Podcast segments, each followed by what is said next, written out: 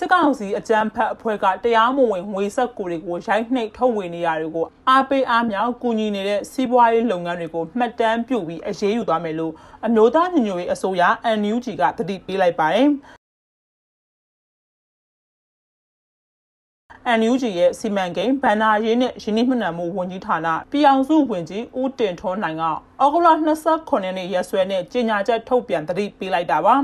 တရားမဝင်အာဏာသိမ်းစစ်ကောင်စီကမြန်မာကျပ်ငွေစက်ကူအသစ်တွေကိုရိုက်နှိပ်ဖို့အတွက်ငွေစက်ကူပုံနှိပ်လုပ်ငန်းဝန်ဆောင်မှုပေးတဲ့ပြည်ပကုမ္ပဏီတွေထံချင်းကပ်နေတဲ့ဆိုတဲ့ခိုင်လုံတဲ့သတင်းအချက်အလက်တွေကိုလက်ခံရရှိထားရလို့လည်းပြောဆိုလိုက်ပါတယ်။ငွေဆက်ကူရိုင်းနဲ့ထုတ်ဝေတဲ့လုပ်ငန်းဟာနိုင်ငံတစ်ခုရဲ့တရားဝင်အစိုးရကပဲလုပ်ပိုင်ခွင့်ရှိတဲ့လုပ်ငန်းစဉ်ဖြစ်ပြီး NUG အစိုးရအနေနဲ့မတရားအသင်းများအဥပဒေပုံမှ16အရ တရားမဝင်အနာသိန်းစစ်ကောင်စီကိုမတရားအသင်းဖြစ်အတိအလင်းကျညာထားပြီးဖြစ်တယ်လို့လည်းဆိုပါတယ်။ဒါကြောင့်မတရားအသင်းအဥပဒေပုံမှ18အရအိမ်ဆောင်အစိုးရလို့အမိခံထားတဲ့စစ်ကောင်စီကဖြစ်စေဒါကိုစက္ကန်တဲ့အဖွဲ့အစည်းကနေဖြစ်စေဒီလက်အောက်ခံအဖွဲ့အစည်းတစ်ခုကပဲဖြစ်စေငွေဆက်ကူတွေကိုရိုက်နှိပ်ထုတ်ဝေတာကတရားဝင်မှုမရှိတဲ့လောက်ရတာဖြစ်တယ်လို့ထုတ်ပြန်လိုက်ပါတယ် ဒါကြောင့်ငွေဆက်ကိုထုတ်ဝေတဲ့ဝန်ဆောင်မှုပေးနေတဲ့ပြည်ပကကုမ္ပဏီတွေအနေနဲ့တရားမဝင်အာဏာသိမ်းစစ်ကောင်စီရဲ့ငွေဆက်ကိုရန်ညိတ်ထုတ်ဝေတဲ့လုပ်ငန်းကိုတနည်းနည်းနဲ့ပူးပေါင်းဆောင်ရွက်တာကုန်ကျန်းပစ္စည်းနဲ့ဤပညာတွေအထောက်ပံ့ပေးရာတွေကိုအထူးရှောင်ရှားပေးဖို့ကိုလည်း NUG ကတိုက်တွန်းတောင်းဆိုလိုက်တာဖြစ်ပါတယ်။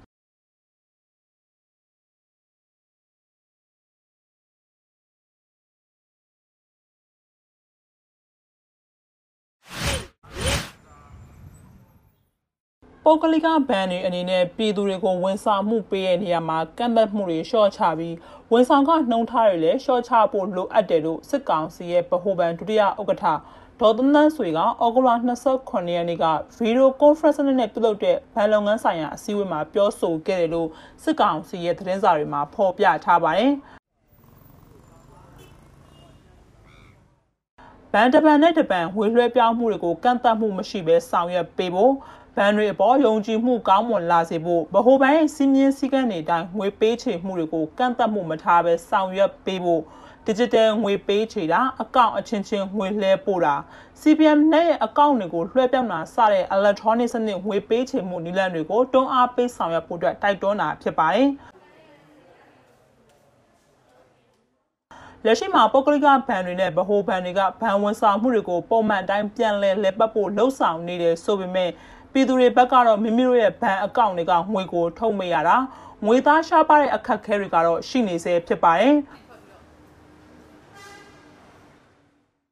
အခုအချိန်ထိပြည်သူတွေကမိမိအကောင့်တွေကမြန်မာငွေကိုရာခိုင်နှုန်းတစ်ခုပေးပြီးငွေသားလဲလှယ်နေရဆဲဖြစ်တယ်လို့ ATM စက်တွေမှာလည်းငွေထုတ်ဖို့အတွက်နိုင်ပေါင်းများစွာစောင့်ဆိုင်တန်းစီနေရဆဲပါ။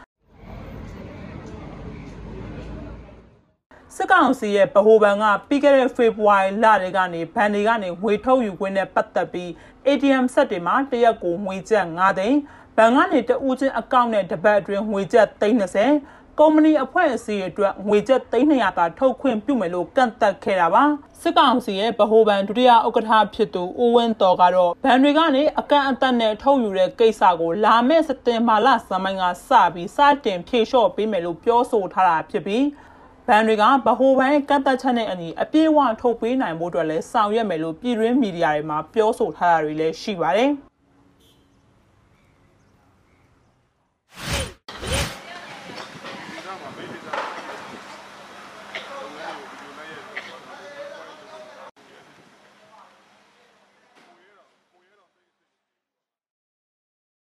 မြန်မာရှေထွက်ကုန်တင်ပို့မှုကနေအခုဘဏ္ဍာနှစ်မှာအမေရိကန်ဒေါ်လာတန်650ကျော်ရရှိထားတာဖြစ်ပြီးပြီးခဲ့တဲ့ဘဏ္ဍာနှစ်ကရရှိထားတဲ့ဝင်ငွေကိုမှီဖို့တော့အမေရိကန်ဒေါ်လာတန်60ကျော်လိုနေသေးရလို့မြန်မာနိုင်ငံငါးလုပ်ငန်းအဖွဲ့ချုပ်ရဲ့ထုတ်ပြန်ချက်အရသိရပါတယ်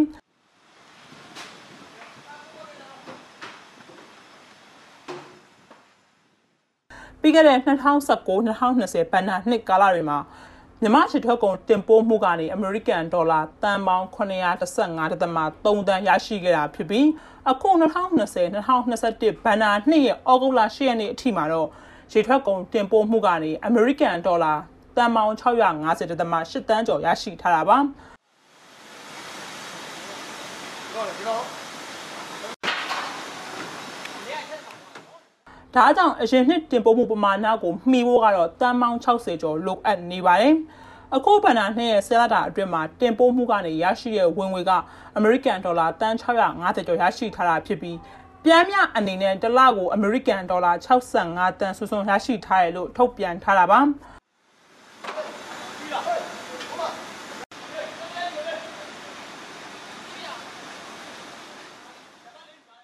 ဒါကြောင့်ကြန့်ရှိနေတဲ့နှစ်လအတွင်းမှာအရင်နှစ်တင်ပို့မှုဝင်ငွေကိုပြည့်မီနိုင်မှုအတွက်လည်းအားထုတ်ဆောင်ရွက်နေရလို့မြန်မာနိုင်ငံငါးလုပ်ငန်းအဖွဲ့ချုပ်ကဆိုပါတယ်။ရှေ့ထွက်ကုန်တင်ပို့မှုရဲ့80ရာခိုင်နှုန်းကျော်ကတရုတ်ဈေးကွက်ကိုအဓိကတင်ပို့နေရဖြစ်ပြီးဒီနောက်ပိုင်းမှာတော့ထိုင်းနိုင်ငံဂျပန်နဲ့ EU နိုင်ငံတွေအပါအဝင်နိုင်ငံပေါင်း40ကျော်ကိုတင်ပို့နေရပါတင်ပို့နေတဲ့ရှေ့ထွက်ကုန်အမျိုးအစားတွေကတော့ငတလောက်ကက်ကတိငမြင့်ချင်းငခုံးမငဒန်းငရှင်း ပဇွန်နဲ့ကနန်းစတွေပါဝင်တယ်လို့သိရပါတယ်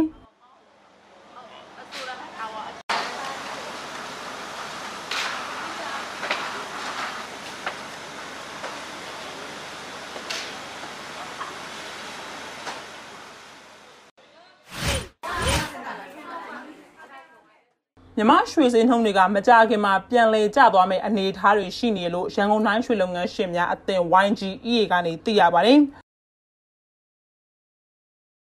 ရွှေလုပ်ငန်းရှင်တွေအနေနဲ့လည်းရွှေသင်းနှုန်းတည်ငြိမ်ဖို့အတွက်ရွှေအယောင်းဝယ်လုပ်တဲ့အခါမှာထိမ့်သိမ်းဆောင်ရွက်ပြီးဝယ်ဖို့အော်ရာနဲ့ရွှေအဝယ်တွေကိုရွှေမရှိပဲလက်မခံဖို့ကိုလည်းအော်ဂူလာ28ရက်နေ့မှာပြုလုပ်တဲ့ YGE ရဲ့အလုံးမှုဆောင်အစည်းအဝေးမှာပြောဆိုခဲ့တယ်လို့သိရပါတယ်။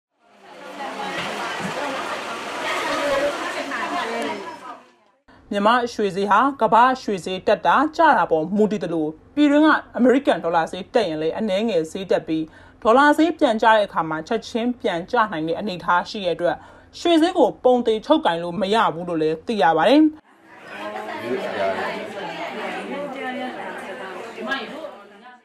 အော်ဂူလာ28ရက်နေ့နေ့လယ်2နာရီချိန်ထိ YGE ကထုတ်ပြန်တဲ့ရွှေဈေးနှုန်းတွေကတော့ Academy Million ရွှေဈေးကတော့တစ်ကြက်သား66သိန်း8000နဲ့ကမ္ဘာရွှေဈေးတအောင်စကအမေရိကန်ဒေါ်လာ1810ခွန်ရှိနေရပါ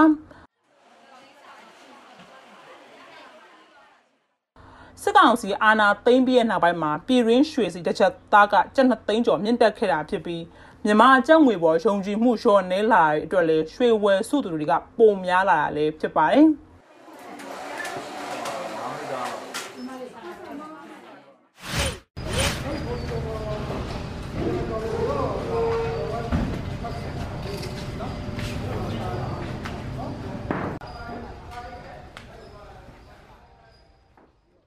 မြန်မာနိုင်ငံမှာတရက်ထဲ COVID-19 ကူးစက်ခံရသူ3000ကျော်နဲ့106ယောက်ထပ်မံသေဆုံးခဲ့တယ်လို့စစ်ကောင်စီလက်အောက်ခံကျန်းမာရေးနဲ့အကစားဝန်ကြီးဌာနကအောက်တိုဘာ29ရက်နေ့ညကထုတ်ပြန်ပါတယ်။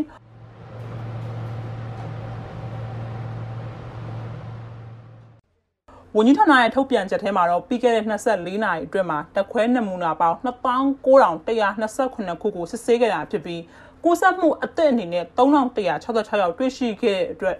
ပိုးတွေ့နှုန်းက10.86ရာခိုင်နှုန်းရှိနေပါတယ်။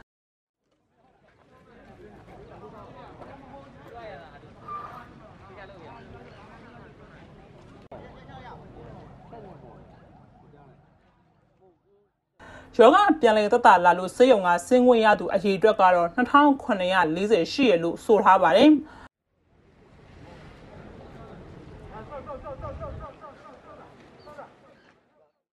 ဒါကြောင့်မို့လက်ရှိအချိန်ထိမြန်မာနိုင်ငံမှာ COVID-19 ကြောင့်သေဆုံးသူကစုစုပေါင်း15183ယောက်နဲ့ရောဂါကူးစက်ခံရသူပေါင်းကတော့3,92300ရှိခဲ့ပြီဖြစ်ပါတယ်။ကိုဗစ်ကူးစက်မှုတတိယလှိုင်းကိုရှင်ဆိုင်နေရတဲ့မြန်မာနိုင်ငံမှာယောဂကူးစက်မှုအသစ်တွေကိုထိန်းချုပ်ဖို့အတွက်အနသိန်းစကောင်စီကထုတ်ပြန်ထားတဲ့တားမြစ်ချက်တွေကိုစက်တင်ဘာလကုန်ထိတက်တန်းတိုးရလို့လည်းထုတ်ပြန်ခဲ့ပါတယ်။ ရောဂါကူးစက်မှုကိုထိန်းချုပ်ဖို့အတွက်ရုံးတွေလုပ်ငန်းတွေနဲ့ကျောင်းတွေကိုအော်ဂုံလကုန်ထိပိတ်ထားဖို့အရင်ကကြေညာထားခဲ့တာကိုအခုစက်တင်ဘာလကုန်ထိထပ်မံတက်တန်းတိုးလိုက်တာလည်းဖြစ်ပါတယ်။နိုင်ငံတော်မှာမြို့နယ်ပေါင်း120ကျော်မှာမလိုအပ်ဘဲအပြင်သွားတာတွေမလုပ်ဘဲ stay at home နေဖို့ကိုလည်းစစ်ကောင်စီကအမိန့်ထုတ်ထားတာဖြစ်ပါတယ်။လာသာအများကြီးပြေချတာနော်